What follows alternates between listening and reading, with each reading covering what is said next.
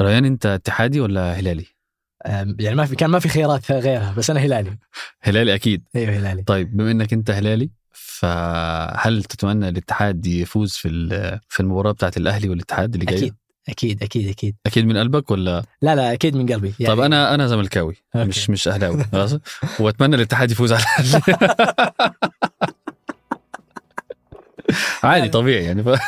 لا لا إن شاء الله الاتحاد يبيضها صراحة متفائل مرة. أوكي. خصوصا النسخة هذه عندنا وكذا فان. شاء الله إن شاء الله الاتحاد يبيضها بإذن الله. هو عامة أكيد أكيد الماتش هيكون حلو الصراحة الحضور الجماهيري كيف بيصير؟ أوف ولا كأنه كأس العالم مش كأس العالم الاندية هتشوف. عجيب عجيب. أنا أتحمس صراحة. أهم حاجة بس المباراة تطلع كويسة يعني. لا لا بإذن الله تطلع رهيب.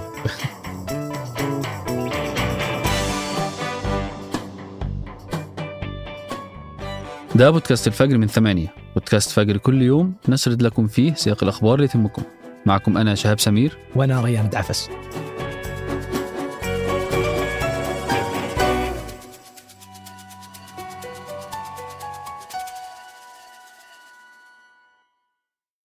قهوة الصباح وأجود محاصيل البن المختص تلاقيها في خطوة جمل. اعرف أقرب فرع لك من الرابط في وصف الحلقة.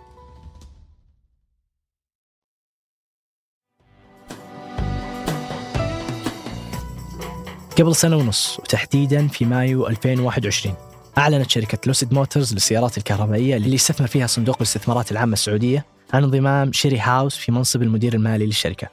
وذكرت في بيان لها أن انضمام المدير المالي الجديد يتزامن مع استعداد الشركة للتحول لشركة مساهمة عامة. وأيضا مع خططها لإطلاق سيارة Lucid Air الفاخرة وبدء تسليمها للعملاء. وذكرت الشركة أن خبرات المدير المالي في قيادة تطوير شركات واستثمارات وجمع التمويل لصالح شركات عالمية مثل Waymo و Fortune 500 راح ينعكس على أدائها. لكن هذا الأسبوع كشفت تقارير عن استقالة فورية للمديره المالية من الشركة. تزامن الاعلان المفاجئ مع خروج مجموعة Lucid وخمس شركات ثانية من مؤشر ناسداك 100 لأسهم التكنولوجيا اعتبارا من يوم الاثنين الجاي واللي يوافق 18 ديسمبر. وأعلنت شركة ناسداك المشغلة لبورصة ناسداك الأمريكية في بيان في موقعها الإلكتروني هذا الأسبوع أن السبب في هذه الخطوة هو التعديل السنوي في أوزان أسهم الشركات المكونة لمؤشر ناسداك 100. ودخلت Lucid قبل سنتين في صفقة قيمتها 11.7 مليار دولار اندمجت بموجبها مع شركة Churchill Capital. وهي الخطوة اللي سمحت بطرح اسهم Lucid في بورصة ناسداك.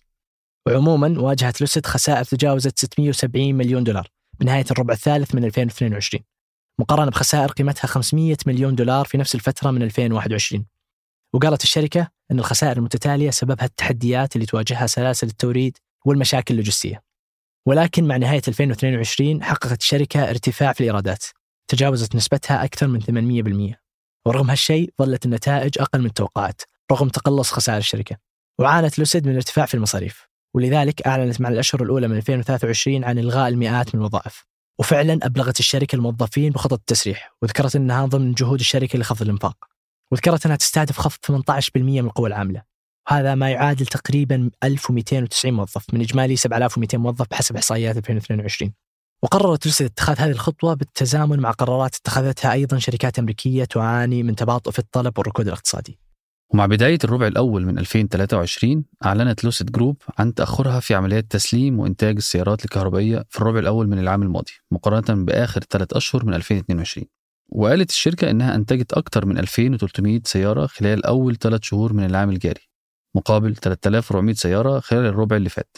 وبلغ عدد تسليمات السيارات أكثر من 1400 وحدة خلال الربع الأول وده كان أقل من تسليمات الربع الأخير من 22 اللي بلغت أكثر من 1900 سيارة. وعموما لوسيد لسه بتقدم نفسها كخيار مميز عن باقي السيارات الكهربائية فسياراتها بحسب الخبراء تتسم بمزايا كتير من بينها قوة الأداء والتكنولوجيا المتطورة وأيضا معايير الأمان العالية للغاية والاستخدام النظيف للطاقة. والمعايير دي ساعدت إنها تستقطب المستثمرين وتنافس أكبر الشركات زي أودي ومرسيدس وبي إم دبليو. برغم التحديات اللي بتواجهها الشركة بتراهن السعودية على المنافسة في قطاع السيارات الكهربائية من خلال استثماراتها في الشركة وخصوصا مع افتتاح أول مصنع للشركة خلال شهر سبتمبر اللي فات واللي بيهدف لتصدير أكثر من 90% من السيارات للأسواق العالمية. وإجمالا بتسعى السعودية أنها تحقق من الخطوات دي صادرات بتزيد على 117 مليار دولار وتأثير على الناتج المحلي الإجمالي بما يقارب من 50 مليار دولار بحلول 2035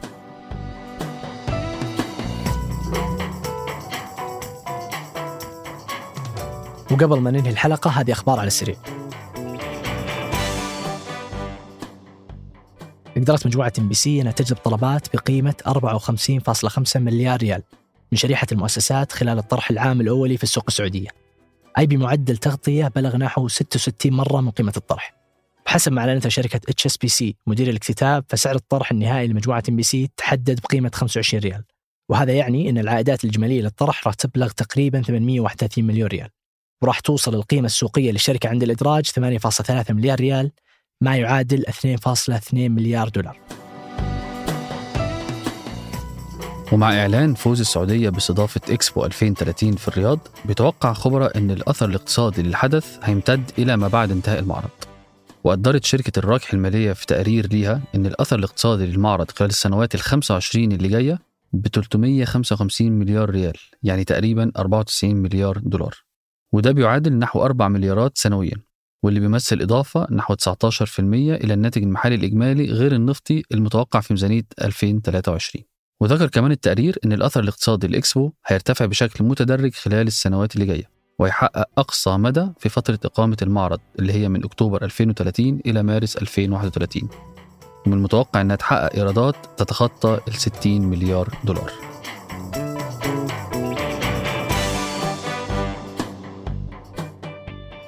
أنتج هذه الحلقة تركي بلوشي وقدمتها أنا ريان دعفس وأنا شهاب سمير. وراجعها وحررها محمود أبو ندى نشوفكم بكرة الفجر.